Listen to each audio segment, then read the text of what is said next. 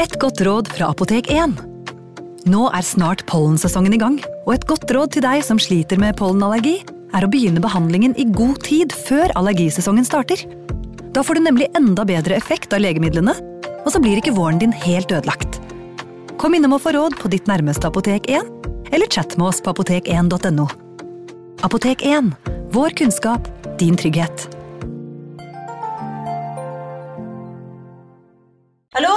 Jeg kommer fra Oslo politikammer. Ine Jansen er purk. Er du purk? The motherfucking bitch. Alt jeg vil, er å finne ut hva som skjedde med mannen min. Jon Carew. Er jeg sikta for noe? Iben Akeli. Det er du. Ole So, Lars Berrum og Big Daddy Karsten. Hvem sin side er du på, egentlig? Anette Hoff, Tone Danielsen, Kommer du fra Afrika? Jørnis Josef, Nesten kløfta. Trond Espen Seim, Det er synd å si det, men det var feil mann som døde. Purk. Premiere tirsdag på TV2 Play. Hei! Takk for at du lytter til True Crime Podden dokumentar. Skulle du ønske at du kunne høre en ny episode av denne podkasten hver eneste uke? Vel, da er det bare å laste ned podkastappen Untold med en gang. I tillegg til ukentlige episoder av podkaster som Skrekkpodden, Synderne og True Crime Podden, får du masse annet reklamefritt og eksklusivt innhold.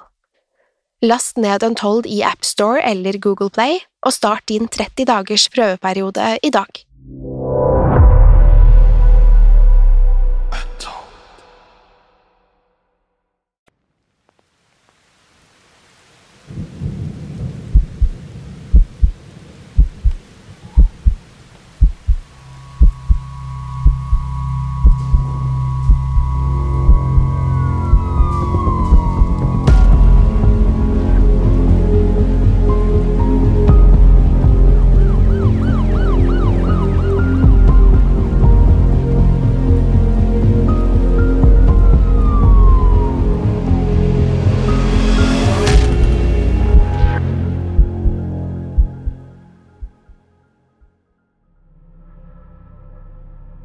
Da Igor Djatlov og hans reisekamerater satte ut fra Sverdlovsk oblast for å krysse den sibirske ødemarken, visste ingen av dem at det skulle bli deres siste eventyr. Selv om ekspedisjonen hadde holdt motet og humøret oppe, skulle de snart bli møtt av ekstremvær de aldri hadde vært borti tidligere. Den bitende kulden snek seg inn i klærne deres, og snøføyken gjorde sikten dårlig. Underveis hadde de skrevet dagbøker som alle fortalte i detalj om gruppens reise gjennom Uralfjellene. Gjennom disse skulle verden i ettertid få et innblikk i dynamikken innad og alt det de fikk oppleve sammen. Det var helt til de plutselig sluttet å skrive, den 1. februar 1959. I det siste notatet, fra den 31. januar, hadde Djatlov selv skrevet at været hadde blitt dårligere, og at snøen gjorde det vanskelig å komme frem. Til tross for at forholdene var vanskelige, virket det ikke som det var noe annet som plaget dem. Det var tydelig at ingen av dem mistenkte at de snart ville dø. Innen det neste døgnet skulle noe hende med Djatlov-ekspedisjonen som ingen riktig har kunnet forklare i ettertid. De fleste som fikk se medlemmene av ekspedisjonen etter at de ble funnet, var sikre på at de hadde blitt fanget i en snøstorm ved foten av Kolatsiakel. De første likene som ble hentet ut av fjellet, tydet på nettopp det. De var alle begravet i et tynt lag med snø, og det virket åpenbart at de hadde dødd av hypotermi. Da de resterende likene ble funnet, flere måneder senere, ble etterforskerne riktignok mer usikre. De fire som ble funnet ved den lille bekken, så ut til å ha mistet livet under langt mer brutale omstendigheter. De hadde flere indre skader, som brukkende ribben og alvorlige kraniebrudd, men ingen ytre skader å snakke om. Først kunne det se ut som de hadde falt og slått seg helseløse. Likevel fantes det ingen steder de kunne ha falt fra som var høyt nok til å påføre dem de alvorlige skadene. Dessuten ville et fall fra en slik høyde uten tvil gi tydelige skader på huden, noe ingen av de fire hadde. Noe annet måtte ha skjedd med dem, men hva kunne det være? All usikkerheten gjorde at mange begynte å spekulere i de villeste teorier. En av disse var at Jatlov-ekspedisjonen var blitt drept av noen med betydelig erfaring. Det var flere beviser som tydet på at det kunne være tilfellet, slik som at flere av likene så ut til å ha blitt flyttet på etter at døden inntraff. Da Georgij Krivonisjenko og Juri Dorosjenko ble funnet, var det ikke tvil om at det virket iscenesatt. Dette gjaldt først og fremst Juri, som hadde dødsflekker eller såkalt livor mortis på ryggen. Dødsflekker er noe som dukker opp på lik fordi blodet samler seg på det laveste punktet i kroppen. At Jori hadde dødsflekker på ryggen, betydde at han døde med ansiktet opp. Likevel ble han funnet på magen. Dermed var det ingen som tvilte på at han var blitt flyttet på. Spørsmålet var bare hvem som kunne ha gjort det. Var det morderens verk? Eller kunne det ha vært en av de andre fra ekspedisjonen som flyttet ham, i et forsøk på å overta noen av klærne hans? Det var likevel ikke det eneste beviset for at gruppen hadde støtt på fiendtlige mennesker i villmarken. Både Igor Djatlov og Rustem Slobodin hadde sår på knokene. Sårene var av den typen man får om man har vært i slåsskamp. Men hvem var det de hadde slåss med? Gruppen skrev dagboksnotater fra hele turen, men det ble aldri nevnt noe om at de hadde gått løs på hverandre.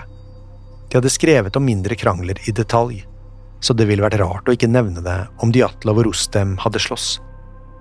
Dermed var det eneste andre alternativet at de hadde kjempet med noen de møtte, før de døde. Når det gjaldt de fire som ble funnet ved den lille bekken, kunne ikke etterforskerne gjøre annet enn å klø seg i hodet. Om skadene de hadde var blitt påført av andre mennesker, måtte våpnene deres være store og flate og svingt med en voldsom kraft. Det var den eneste måten de kunne ha fått de store indre skadene uten at det ble noen betydelig skade på huden. Det var i det hele tatt mye som ikke stemte i den mystiske saken. Spesielt forundret var etterforskerne over hvor de ulike kroppene var blitt funnet, og hvilken tilstand de var i. Dermed begynte mange å lure på om det hele var iscenesatt.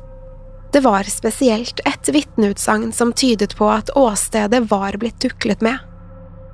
Offisielt ble det forlatte teltet til ekspedisjonen funnet av Boris Lobsov, Djatlovs gode venn, den 26. februar. Likevel var det mange som påsto at teltet var blitt observert dagen i forveien av en helikopterpilot. Ifølge piloten hadde ikke teltet vært så forlatt som Boris skulle hatt det til. Han kunne nemlig sverge på at han hadde sett to kropper i snøen utenfor teltet. Da Boris og letemannskapene ankom dagen etter, var ikke disse kroppene å finne noe sted.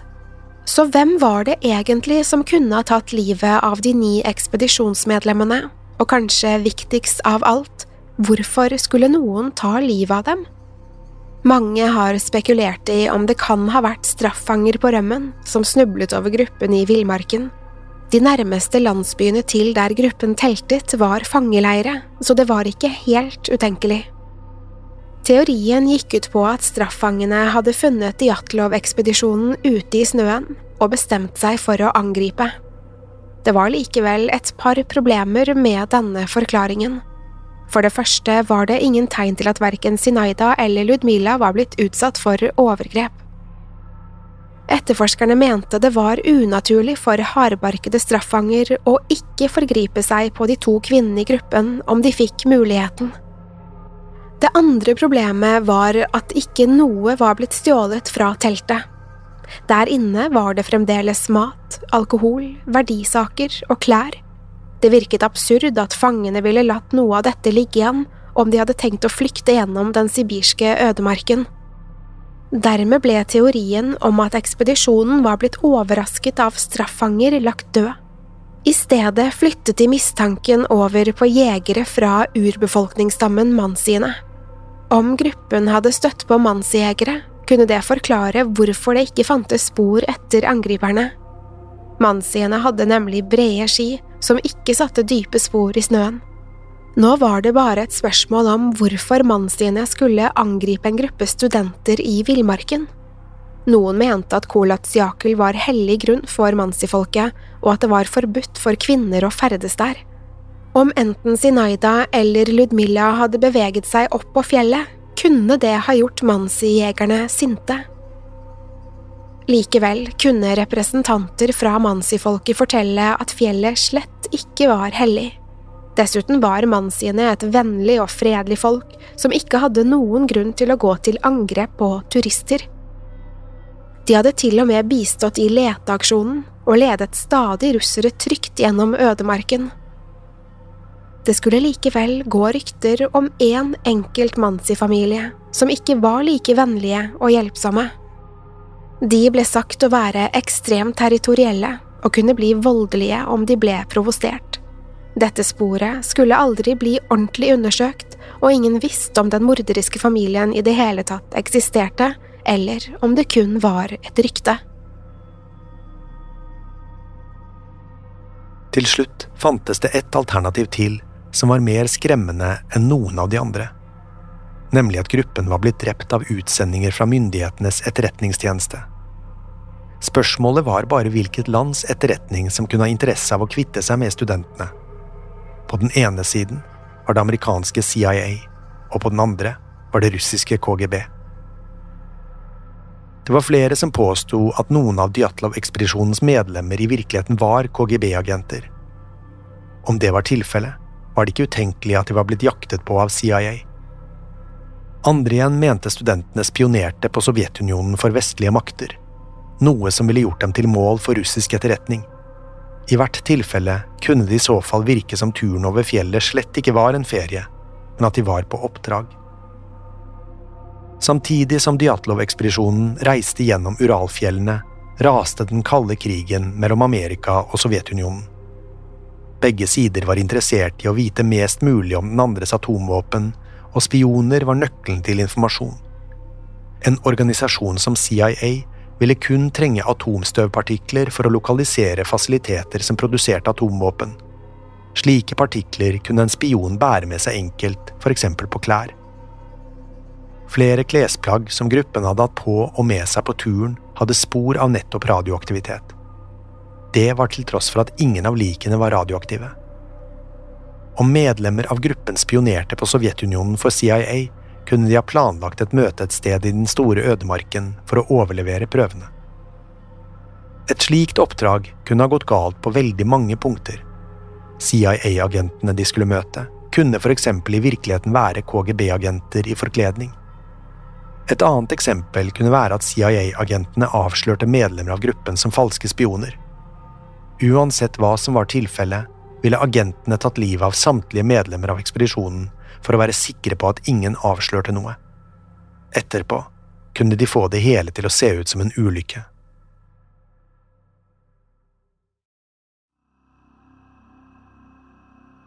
Det var ikke tvil om at mye tydet på at noe lumsk hadde foregått i Uralfjellene den kvelden Djatlov og følget hans døde. Likevel var det mye som ikke kunne forklares med drapsteorien. For det første ville det være et enormt stykke arbeid å skjule alle spor etter angriperne. Bare å iscenesette en ulykke var mer jobb enn mange ville tatt på seg. Om noen hadde jaktet gruppen, ville det sannsynligvis vært spor som indikerte at de hadde forsøkt å flykte.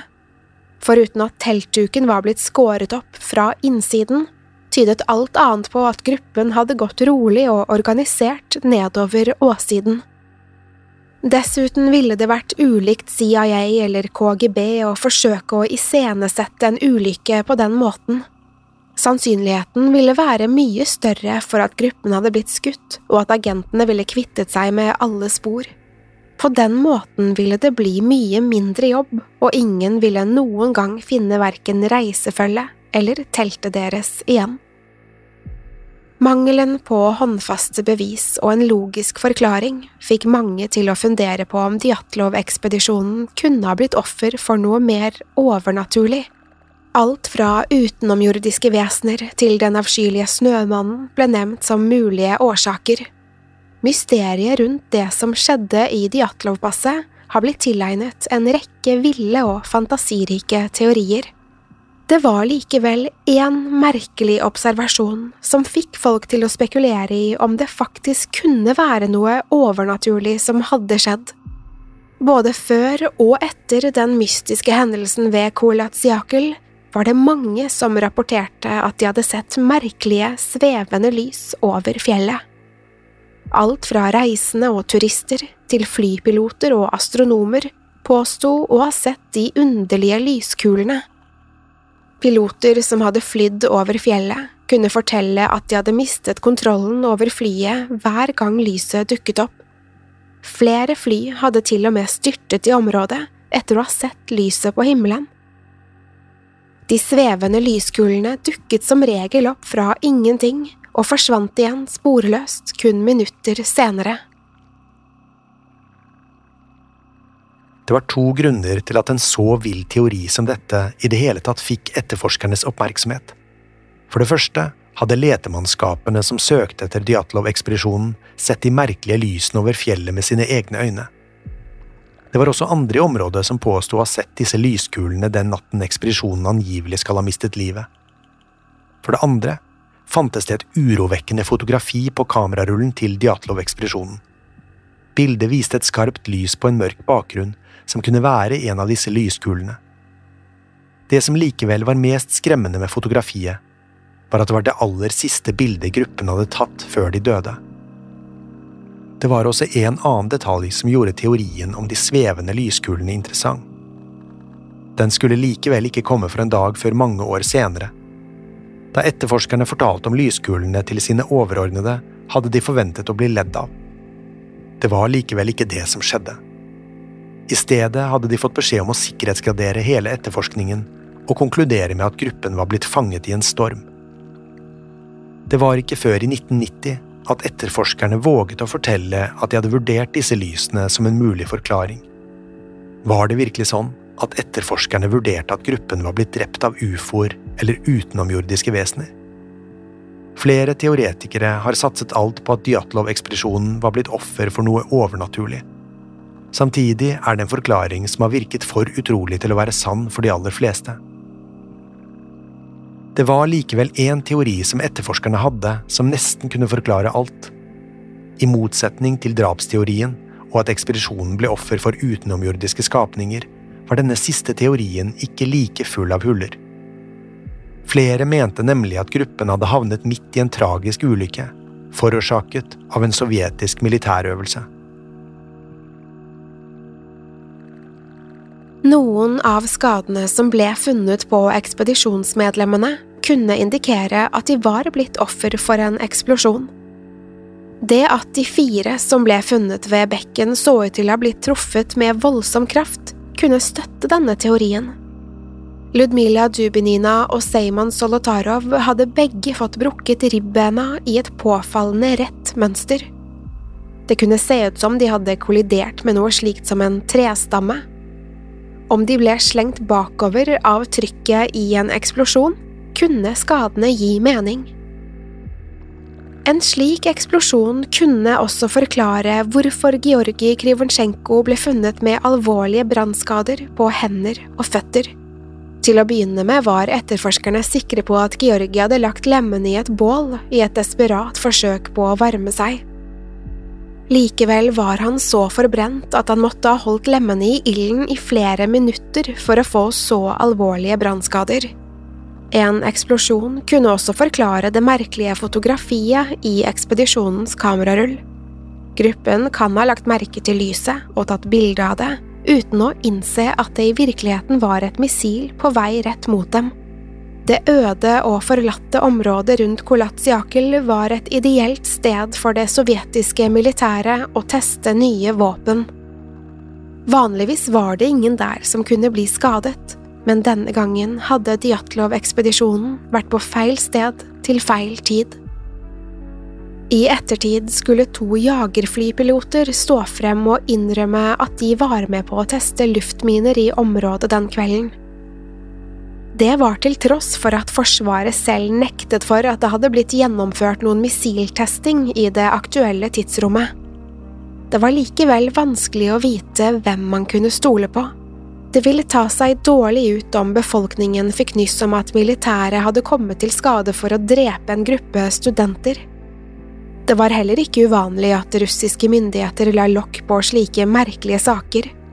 I juni 1959 skulle de nemlig gjøre det samme med en tragisk togulykke der flere mennesker døde.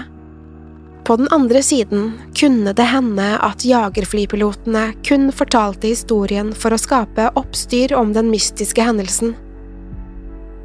Om det virkelig var en eksplosjonsulykke som myndighetene forsøkte å dekke over, kunne det også forklare hvorfor likene så ut til å ha blitt flyttet på. Det kunne også forklare hvorfor helikopterpiloten påsto å ha sett kropper i snøen rundt teltet dagen før det offisielt ble funnet. Likene kunne ha blitt hentet ut slik at alle spor etter eksplosjonen kunne fjernes før de ble plassert tilbake i villmarken. Det er likevel også huller i denne historien som ikke kan forklares. På lik linje med at gruppen ble jaktet ned av Etterretningstjenesten, ville det vært en enorm operasjon å dekke over alle sporene. De var nødt til å ha beveget seg i området uten å sette spor i snøen og fjernet alle tegn til at det hadde vært en eksplosjon der. Dessuten ville en slik operasjon krevd et stort antall mennesker som alle måtte holdt på hemmeligheten. Det er også sannsynlig at myndighetene, som Etterretningstjenesten, ville tatt med seg likene i stedet for å plassere dem tilbake i ødemarken. Ingen ville være tjent med at hendelsen ved Djatlovpasset ble et verdensberømt mysterium. I juli 2020, etter årevis med press fra befolkningen, så russiske myndigheter seg nødt til å komme med en ny konklusjon.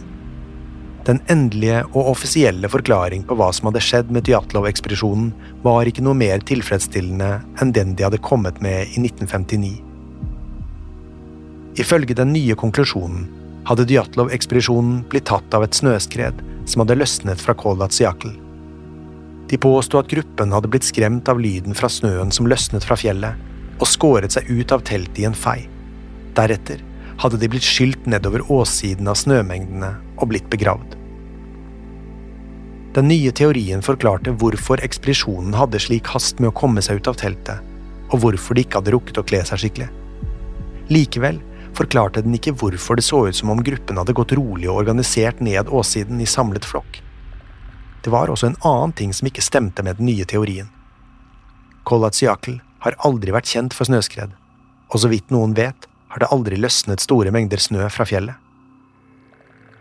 En alternativ versjon av den siste historien kan være at ekspedisjonen ble skremt av snø som løsnet fra fjellet, og beveget seg rolig mot et område de trodde var trygt.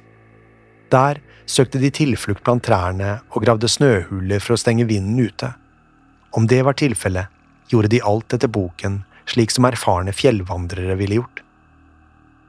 Ifølge denne teorien ville de vært tryggere om de ble værende ved teltet og gravde det ut av snøen. Gruppens lange erfaring og kunnskap om snøskred var til slutt det som tok livet av dem. Dette forklarer likevel ikke alle de merkelige skadene gruppen hadde fått før de døde. Det finnes utallige teorier om hva som skjedde med Igor Djatlov og reisefølget hans, den ene villere og mer utrolig enn den andre. Jo dypere man dykker ned i de mange teoriene, bevisene og mysteriene, desto mer uforståelig blir det. For hver løsning dukker det opp en rekke nye spørsmål. Det eneste vi vet sikkert, er det som ble fortalt av Juri Judin, ekspedisjonsmedlemmet som måtte avbryte turen tidlig. Han kunne fortelle om en glad og spent gjeng som gledet seg til å oppleve et nytt eventyr sammen. De elsket naturen og hverandres selskap og oste av ung selvtillit og vilje. Etter at Judin måtte forlate gruppen, har vi kun ekspedisjonens dagbøker samt kameraruller å lene oss på. Dagbøkene er til gjengjeld ganske detaljerte og forteller om de unge utforskernes siste dager. De krysser grenser sammen, gjorde voksne vurderinger av forholdene og terrenget, spiste og drakk, og sang sanger de alle kunne. Fotografiene som ble hentet ut av kameraene er et tydelig bevis på hvor sammensveiset de var som gjeng. De viser hvordan Djatlov ledet ekspedisjonen, og hvordan han fikk alle til å føle seg viktig for det felles målet. Hver og en av de ni ekspedisjonsmedlemmene hadde store planer for fremtiden. De skulle bli ingeniører, geologer, forskere og gründere. I stedet endte de opp i den frosne tundraen dypt inne i Uralfjellene. I ettertid skulle området der studentene forsvant, få navnet Djatlov-passet. Det er et frossent og øde sted, langt fra sivilisasjon. Om vinteren ligger snøen dyp og temperaturene kan synke til under 50 minusgrader på det laveste. De sterke vindene er nok til å blåse en voksen mann over ende, og stedet representerer noen av verdens mest ekstreme værforhold. Midt på vidden står det en diger kampestein.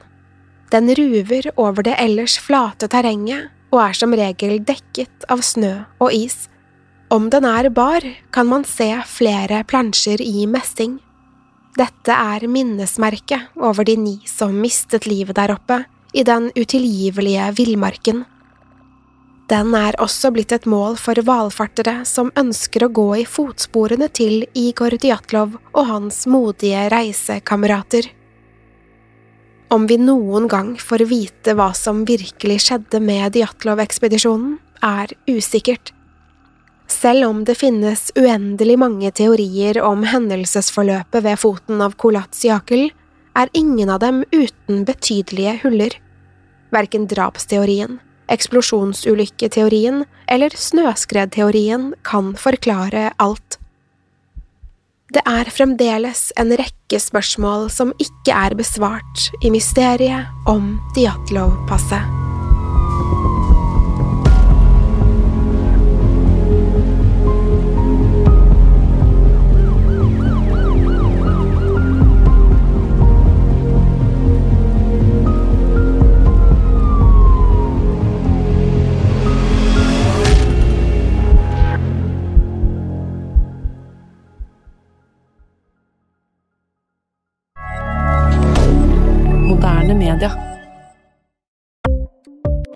Ukens annonsør er Folio, en smartere banktjeneste for deg som har en egen bedrift eller ønsker å starte for deg selv. Folio er en superenkel nettbank for bedrifter. Som kunde i Folio får du en bedriftskonto med et bedriftskort og app. I denne appen er det smarte løsninger som forenkler regnskapet ditt, uansett om du har en liten bedrift eller et enkeltpersonsforetak. Folio er både intuitivt og brukervennlig, og er laget med et enkelt språk. I tillegg tilbyr de forutsigbare priser og ingen skjulte gebyrer. Skulle du likevel trenge det, så kan du snakke med deres raske og hyggelige kundeservice, og der får du prate med en faktisk person og ikke en chatbot. Folio er med andre ord både enklere og koseligere enn banken. Over 10 000 bedrifter har allerede valgt Folio som sin banktjeneste, så besøk folio.no og se hvordan Folio kan forenkle din hverdag også. Har du et enkeltpersonforetak eller en liten bedrift? Da er du sikkert lei av å høre meg snakke om hvor enkelt det er med kvitteringer og bilag i fiken, så vi eh, gir oss her, vi. Fordi vi liker enkelt. Fiken superenkelt regnskap. Kiwi er billigst i VGs matbørs og har vært billigst i fire av de fem siste VGs matbørser. Og nå presser vi prisene på frukt og grønnsaker. På 200 gram broccolini setter vi prisen til 24,90. På 400 gram Cevita blåbær setter vi prisen til 49,90. Og husk, alle Kiwi Pluss-kunder får i tillegg 15% trumfbonus på all fersk frukt og grønt. For det er vi som er prispresserne. Og vi i Kiwi gir oss aldri på pris.